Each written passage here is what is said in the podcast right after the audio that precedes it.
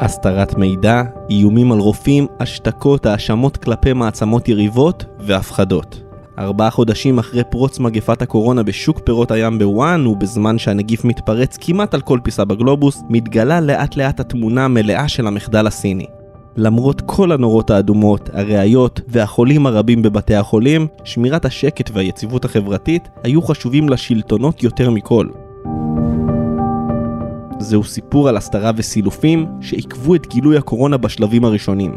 ולא רק שלא קנו לעולם זמן, אלא מנעו עצירה של המגפה בשלבים הקריטיים, עד שזה היה מאוחר מדי. ככל שחולף הזמן, מתגלה התמונה המרתקת של מה שקרה בשבועות הראשונים בוואן. איך נולדה המגפה שמטלטלת היום את החברות והכלכלות ברחבי העולם. היי, אני רון טוביה ואתם על הצוללת מבית גלובס. בימים אלו שבכל העולם מסתגרים בבתים, סין מנסה להציג לעולם את הניצחון ההירואי על מגפת הקורונה.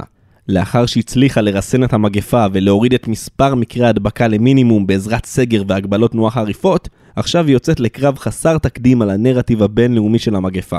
ולמען שמם הטוב, הסינים מנסים להסתיר איך הפך נגיף שהגיע משוק פירות הים בעיר סינית בינונית יחסית, למגפה שמשתקת את העולם כולו. דובר משרד החוץ הסיני, ג'ו לי ג'יאן, אפילו צייץ בטוויטר את האפשרות שצבא ארצות הברית הוא זה שהביא את הקורונה לסין. מהצד השני טוענת סין שהצעדים הנחרצים שעשתה במלחמה בקורונה, קנו לעולם זמן להתמודד עם המחלה, ולכן היא ראויה לתודה.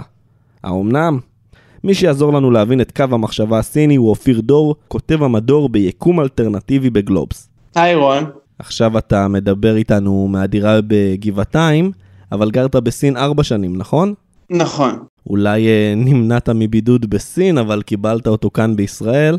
אז תגיד לי, איזה בידוד היית מעדיף? אני חושב שבסין הבידוד היה יותר טוטאלי, כאן אתה יוצא לסופר, אתה רואה מלא אנשים מסתובבים ואז אתה מרגיש לא נוח, כאילו למה רק אני בבית וכולם נראים כאילו הם בחוץ. בסין כולם היו בבית, אז היה בידוד יותר טוטאלי. אופיר, בוא נתמקם על ציר הזמן. הכל מתחיל ביום ראשון, 17 בנובמבר 2019, בשוק פירות הים של וואן, במחוז חובי בדרום מזרח סין. ה-17 בנובמבר בסך הכל היה יום רגיל בווהאן, לא היה איזה מישהו ששם לב uh, למשהו מיוחד. בדיעבד אנחנו יודעים, לפחות לפי החקירה של השלטונות הסינים, ה-17 לנובמבר זה כנראה היה הזמן שהחולה הראשון בקורונה שהם יודעים עליו היום, התחיל לחלות. אנחנו לא יודעים אם הוא החולה אפס, מה שנקרא, האיש הראשון שנדבק, האיש הראשון שקיבל את המחלה הזאת כנראה מבעל חיים, אולי מהטלפים, דרך עוד איזושהי חיה.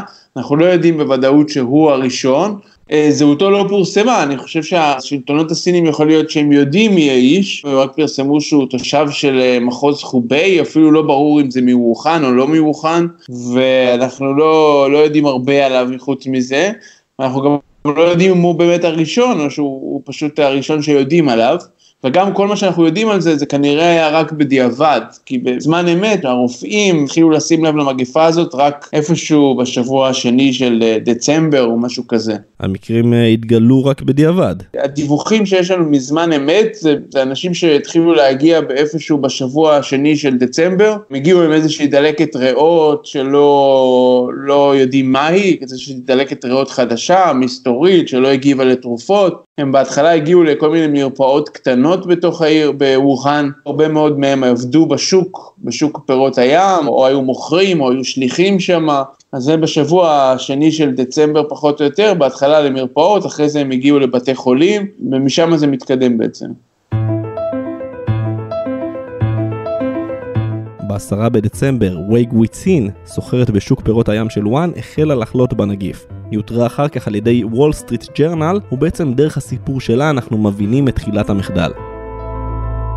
בהתחלה היא חשבה שזה רק הצטננות, היא הלכה למרפאה מקומית וקיבלה איזשהו אה, אנטיביוטיקה דרך הווריד, שזה היה איזשהו טיפול זול, וטיפול שבדרך כלל עזר למקרים של הצטננות. היא חשבה שבזה זה ייפתר, היא לא רצתה ללכת לבית חולים בהתחלה, כי היא חשבה שזה יהיה מאוד מאוד יקר, והיא תצטרך לשלם הרבה על הטיפולים, אז היא העדיפה ללכת לאיזה מרפאה זולה שעשתה טיפול זול, אבל זה לא עזר, זה לא עבר. ב-16 בדצמבר היא בעצם מגיעה לבית חולים, לבית חולים סייחה בווהאן, בהתחלה לא נותנים לה בכלל להתאשפז, כי אין מספיק מיטות, אבל אחרי זה היא מגיעה והמצב שלה מידרדר די מהר. ואחרי שהיא הבריאה ושוחררה בתחילת ינואר, היא נאלצה לשלם 70 אלף יואן, שזה משהו כמו 35 אלף שקלים. באיזשהו שלב במהלך המגפה, בסין אמרו שהטיפול הרפואי לקורונה יהיה חינם.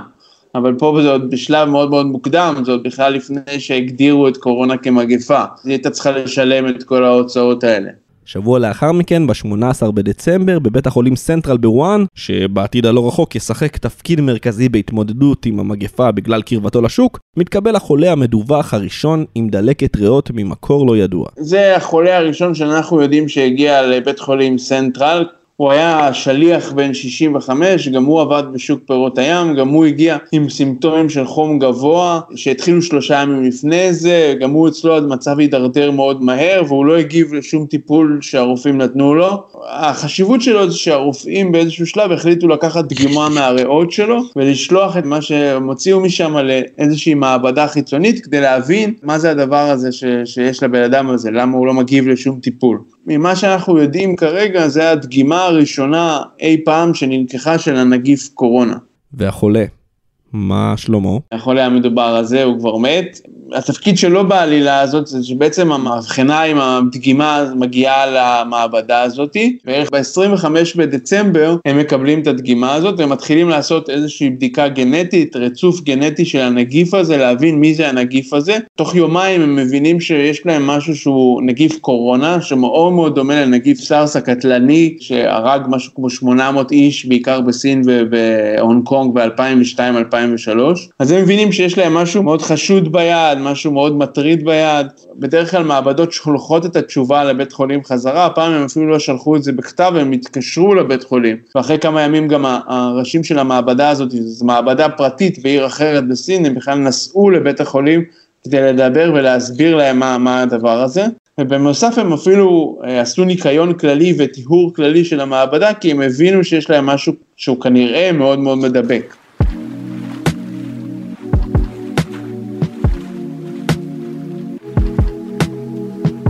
אנחנו מדברים כבר על החצי השני של דצמבר, הרופאים כבר מתחילים לזהות באופן אינטואטיבי את הקשר בין שוק פירות הים בוואן לבין דלקת הריאות המסתורית, כשעוד ועוד חולים עם קשר לשוק מתחילים לזרום לבתי החולים. כולם חולים באותם סימפטומים של חום גבוה, שיעול, לא כל כך מגיבים לתרופות. התחילו גם להופיע כל מיני אנשים שלא היה להם קשר לשוק, אבל הם כאילו קצת שמו אותם בצד, הם יותר התמקדו על השוק, חשבו שזה משהו שנגרם מהשוק. אבל מה שפותר את התעלומה הזאת לרופאים זה בדיקות מעבדה. הבדיקת מעבדה הראשונה הזאת שהגיעה מאותו שליח בשוק, אחרי זה מגיעות עוד בדיקות, כי כל הבתי חולים שולחים את, ה, את הדגימות מהריאות של החולים לכל מיני מעבדות ברחבי סין לעשות להם ריצוף גנטי. ומתחילות להגיע תשובות שאומרות, זה נגיף קורונה, זה נגיף קורונה שדומה לסארס, יש איזו דגימה מאוד מפורסמת שאפילו הייתה טעות, אחת המעבדות כתבה שמדובר בנגיף סארס, זאת דגימה מאוד משמעותית כי היא התחילה להיות נפוצה בין הרופאים, הרופאים מעבירים אחד לשני את ההודעה על זה.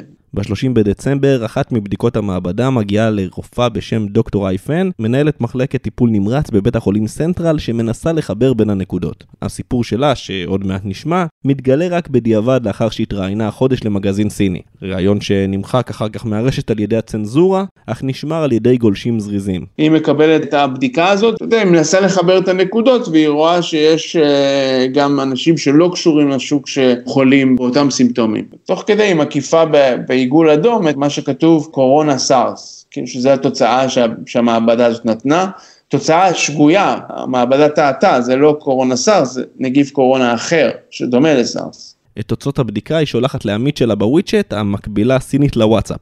אנחנו לא יודעים מי הרופא שהיא שלחה לו, אבל הרופא שהיא שלחה לו שלח לעוד אחרים, ובסוף זה הגיע לאיזשהו רופא עיניים בשם לי ון ליאנג, סוג של התם בסיפור הזה.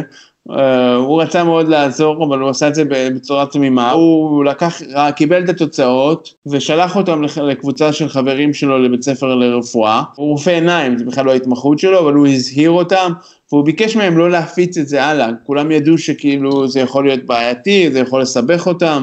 אבל מישהו הפיץ את זה הלאה, ובסוף מכל זה הוא קיבל אה, הזמנה למשטרה, ובעצם היה צריך לחתום על זה שהוא לא ידבר על הנושא הזה יותר, ומכתב אזהרה על זה שהוא פגע ביציבות החברתית. לפי הערכת הרשויות הסיניות כיום, עד לסוף שנת 2019 כבר היו לפחות 206 נדבקים בקורונה.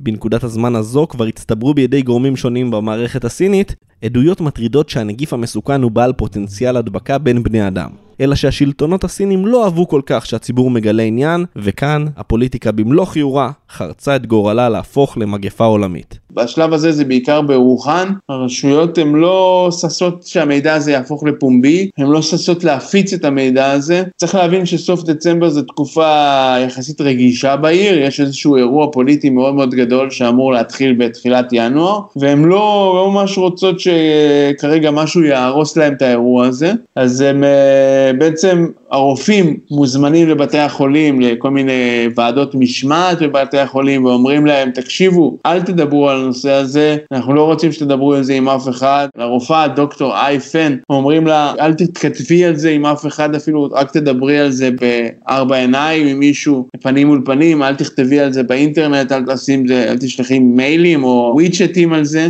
לרופאים אחרים מזהירים אותם שיפסיקו לדבר על זה, חלק מהם אפילו מוזמנים למשטרה המקומית ואומרים להם, תקשיבו, אתם חותמים פה שאתם לא מדברים יותר על הנושא הזה, כי זה אה, הפצת שמועות ואתם פוגעים ב, ביציבות החברתית. במקביל, המעבדות מקבלות הודעות וטלפונים מהרשויות בעיר וואן. אומרים להם, תקשיבו, תפסיקו לבדוק את זה, אנחנו נטפל בזה, כל דבר שיש לכם תנו לנו. אתם אל תבדקו את זה, תשמידו את כל מה שיש לכם.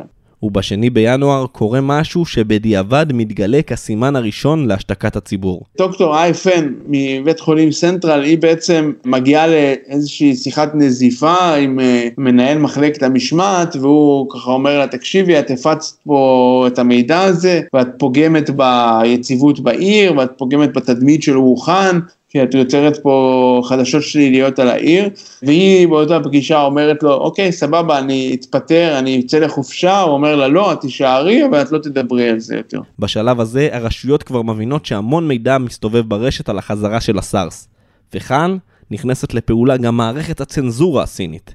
יש אה, אפליקציה אחת שנקראת QQ, אה, זו אפליקציה שעושה live streaming בסין. בתוך האפליקציה יש רשימה של מילים שכל פעם שהן מופיעות, שמישהו כותב אותן, הם ישר אוטומטית יימחקו. איזושהי מעבדה בקנדה עשתה ניתוח על זה וגילתה שב-31 אה, בדצמבר נוספו לרשימה משהו כמו 45 מילים חדשות, שכולן קשורות לנגיף. זאת אומרת, זה נכנס לרשימת צנזורה. דברים התחילו לעלות ברשת וישר הצנזורה הסינית אמרה בואו בוא נשתיק את זה. תגיד לי אופיר, אלו דברים שקורים בשגרה בסין? בעיקרון המערכת הסינית היא מאוד מאוד ריכוזית והיא מערכת ש... ש...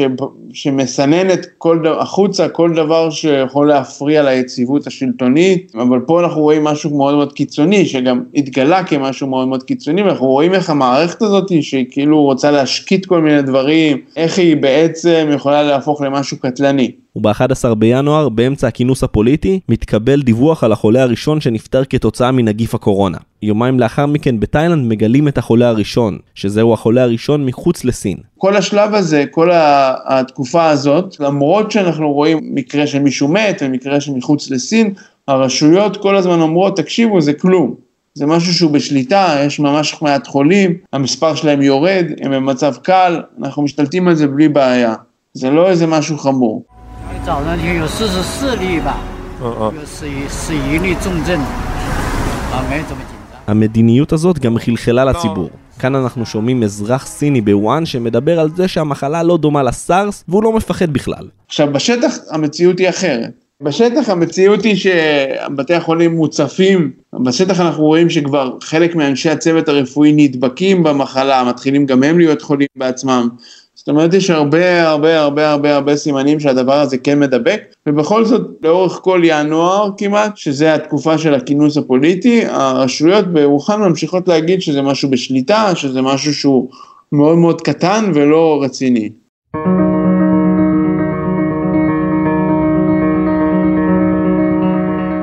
למרות ששוק פירות הים של וואן נסגר כבר בראשון בינואר, מה שהיה אמור לעצור מגפה שאינה עוברת מאדם לאדם, בתי החולים המשיכו לקבל עוד ועוד חולים עם חום שלא מגיב לתרופות, ורדיוס המגורים של המתאשפזים רק הלך וגדל. במקרים מסוימים היו אפילו משפחות שלמות שחלו. זה לא הדליק נורות אדומות אצל מערכת הבריאות הסינית? זה הדליק הרבה מאוד נורות אדומות בשטח, אצל הרופאים, אצל הרשויות העירוניות, רשויות הבריאות העירוניות, זה הדליק נורות אדומות, אבל נראה שהם ניסו כל הזמן לכבות אותם, הם לא רצו שהדבר הזה יצא החוצה, שאנשים ידעו מה קורה בעיר שלהם. במקביל המעבדות, כמו שאמרתי, המעבדות אה, מקבלות אה, טלפונים מהרשויות הבריאות של ווחן, שאומרות להם תפסיקו לבדוק את זה. אחד מעובדי המעבדה סיפר למשל שהוא קיבל טלפון ואמרו לו תקשיב כל דבר שיש לך לגבי זה אתה נותן לנו. למעשה הרשויות בווהאן מנעו מהמידע לצאת החוצה. מבייג'ין שולחים משלחות לווהאן כדי לבדוק מה קורה, ובעצם גם המשלחת הראשונה וגם המשלחת השנייה חוזרות, ובעצם הן אומרות שהכל בשליטה ואין עדויות לכך שזה מדבק בין אדם לאדם, וזה לא משהו רציני. אחד הסיפורים הכי מצחיקים או עצובים אפשר להגיד, זה מישהו שקוראים לו קוואנג פא, והסיפור שלו הוא שהוא חזר מווחאן, והוא אמר, תקשיבו, זה נורא בשליטה, יש רק חולים קל, זה לא, זה לא מסוכן, וניסה להרגיע. 现在我们看到的情况，总体来讲还是可控。כאן אנחנו שומעים את וואנג וואנג פא, המומחה שנשלח מבייג'ין לוואן. הקטע הזה צולם ב-10 בינואר לאחר שחזר לבירה, והוא אומר שהכל בסדר. כשהוא חזר לבייג'ין התברר שאפילו הוא נדבק במגפה הזאת. שזה הפך לאיזושהי בדיחה כאילו בסין, איך הבן אדם אומר יום אחד שזה בשליטה והכל בסדר, ואז הוא חוזר לבייג'ין והוא בעצמו חולה. המשלחות האלה בדיעבד הן טוענות ששיקרו להם, שהרשויות לא נתנו להם לדבר עם הרופאים, שהרשויות לא הראו להם את החולים, ולכן הם הגיעו למסקנה שזה הרבה יותר קטן. ובאותם הימים שכבר יש מתים מהנגיף, השלטונות הסינים לא מנסים לבלום את המגפה? לפחות לא כלפי חוץ? אנחנו יודעים בדיעבד, שבשביעי בינואר גם היה דיון בנושא הזה בהנהגה הכי בכירה של המפלגה, בראשות שי ג'ינפינג, והדיון הזה היה על הנגיף, אנחנו לא יודעים מה, מה דיברו, מה אמרו שם, מה, מה נאמר שם, מה נעשה שם, אנחנו רק יודעים ששום דבר מזה לא התפרסם. בזמן אמת לא ידענו שיש דיון כזה ולא ידענו שום צעדים שהממשלה הסינית עושה, צעדים משמעותיים כדי להילחם בנגיף בשלב הזה. ומתי הסינים מתחילים להבין שיש פה נגיף חדש? ההתחלה של הגילוי של המגפה הזאת עובר דרך מעבדה אחת בשנגחאי. היא קיבלה בתחילת ינואר את הדגימות שהגיעו ברכבת, הם הגיעו בקופסאות מתכת עטופות בקרח, הן אה, נשלחות למעבדה הזאת בשנגחאי בתחילת ינואר. המעבדה בשנגחאי עוד אחת שמקודדת את הנגיף הזה, מגלה שיש נגיף קורונה חדש שדומה מאוד לסארס, והם מעבירים את זה לרשויות, לכל הרשויות בבייג'ין, בשנגחאי, בכולם, והם מחכים, מחכים, רואים שלא קורה כלום, לא קורה כלום, מחליטים לעשות צעד לבד. הם מחליטים לפרסם לבד את, ה, את התוצאות שלהם באיזשהו מאגר אה, פומבי כזה, מין איזה מאגר של אה, פיולוגים, ואז אה, בעצם הם קצת מכריחים את הרשויות גם לחשוף יותר מידע, כי הם עושים את זה אוטומטית. המעבדה הזאת עצמה נסגרת יום אחרי שהיא אוסרת, עושה את זה, כי כנראה לא היו מרוצים מזה שהיא פרסמה את זה, אבל זה מתחיל את, ה, את המסלול של הגילוי. של הנגיף. ימים ארוכים ומיותרים חלפו עד שסין הכירה סוף סוף בנגיף החדש. רק ב-20 בינואר מגיעה ההכרה הסינית הרשמית שמדובר במגפה שעוברת מאדם לאדם. ב-20 בינואר כבר סין מתחילה להכיר בזה, פה נופל האסימון, כולם מבינים שמשהו קצת יותר רציני. ב-20 בינואר אה, גם שי ג'ינפינג מדבר, פעם ראשונה שמפרסמים משהו שהוא מדבר עליו. הוא עדיין לא מדבר על הדבקה, אבל באותו יום גם אה, ג'ונג נאן שאן, שהוא היה אה, הרופא שהוביל את המשלחת השלישית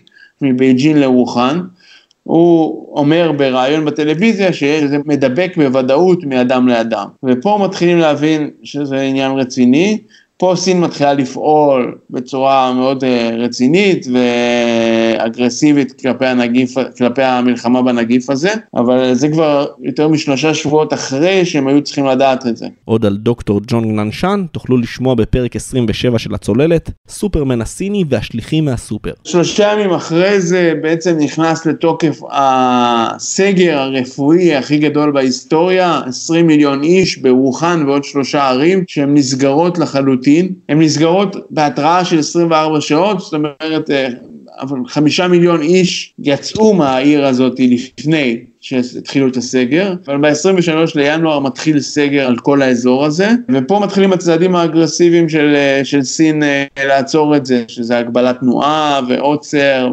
וכל הדברים האלה. מכונת ההשתקה הסינית כל כך חזקה, רק בפברואר מצליחים לצאת סרטונים ראשונים מתוך וואן שמגיעים לעולם המערבי. אזרחים ממלאים את המרפאות המקומיות, אחרים מתמוטטים באמצע הרחוב.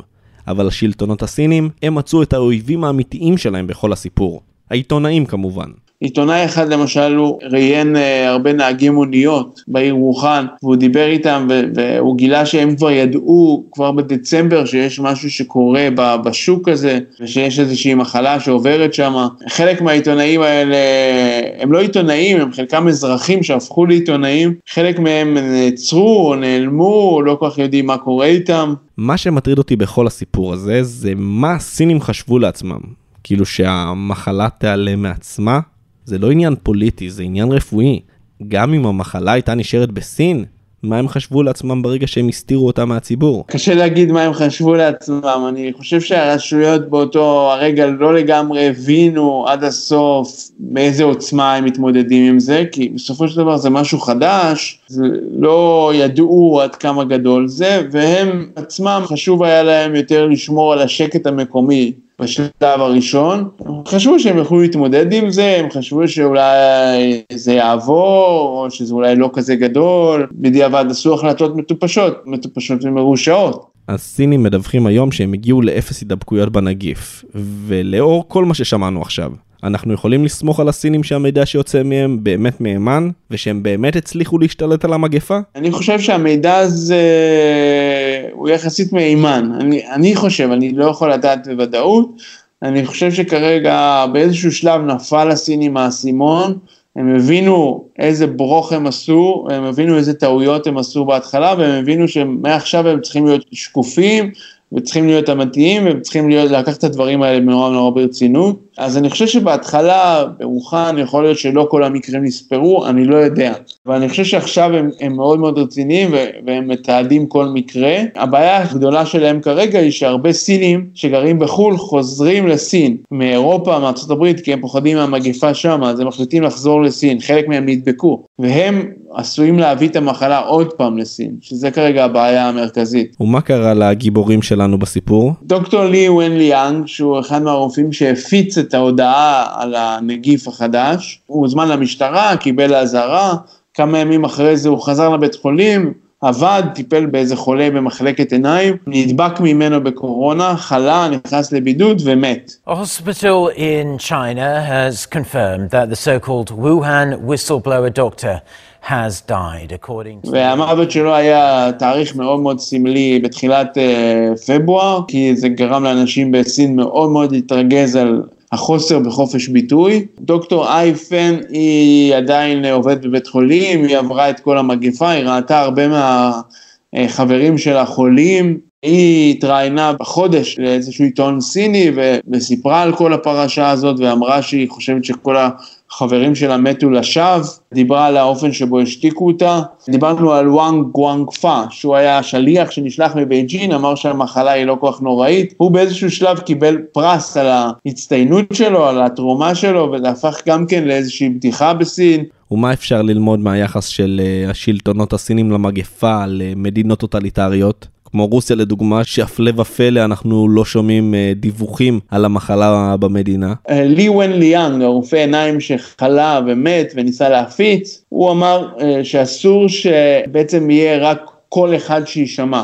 וזאת אחת הבעיות במדינות מהסוג הזה, שיש רק קול אחד, ואם הקול הזה עושה טעות, אין אף אחד שיבקר אותו, כי אין עיתונות אגרסיבית ויש שליטה שלה, בעצם של הממשל על העיתונות.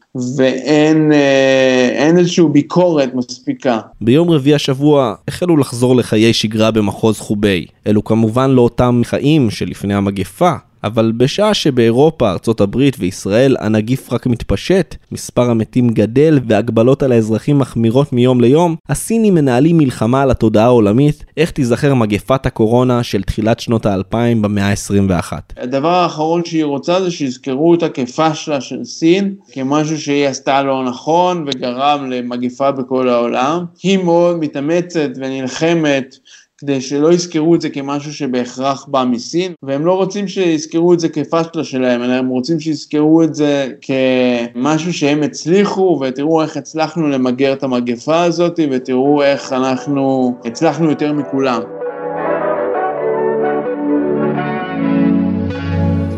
עד כאן עוד פרק של הצוללת. מוזמנות ומוזמנים לעקוב אחרינו באתר גלובס ובאפליקציית הפודקאסטים האהובה עליכם, ואם אהבתם את הפרק סמנו subscribe או follow, ונשמח מאוד אם תדרגו אותנו גבוה באפל פודקאסט ותפרגנו לנו גם עם איזו תגובה. בימים אה, טרופים אלו אנחנו משתדלים בגלובס לתת לכם אה, נחת עם פרקים חדשים בכל הפודקאסטים של גלובס שאנחנו מקליטים מהבית.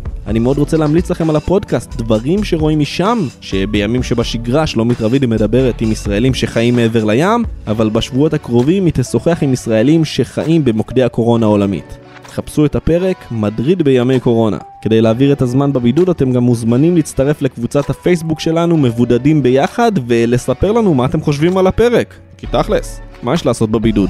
הדיווח על מותו של דוקטור לי ון ליאנג נלקח מעמוד היוטיוב של רשת ארירנג ניוז. תודה לאופיר דור ולכל צוות הצוללת, אני רון טוביה, שרק נהיה בריאים, יאללה ביי.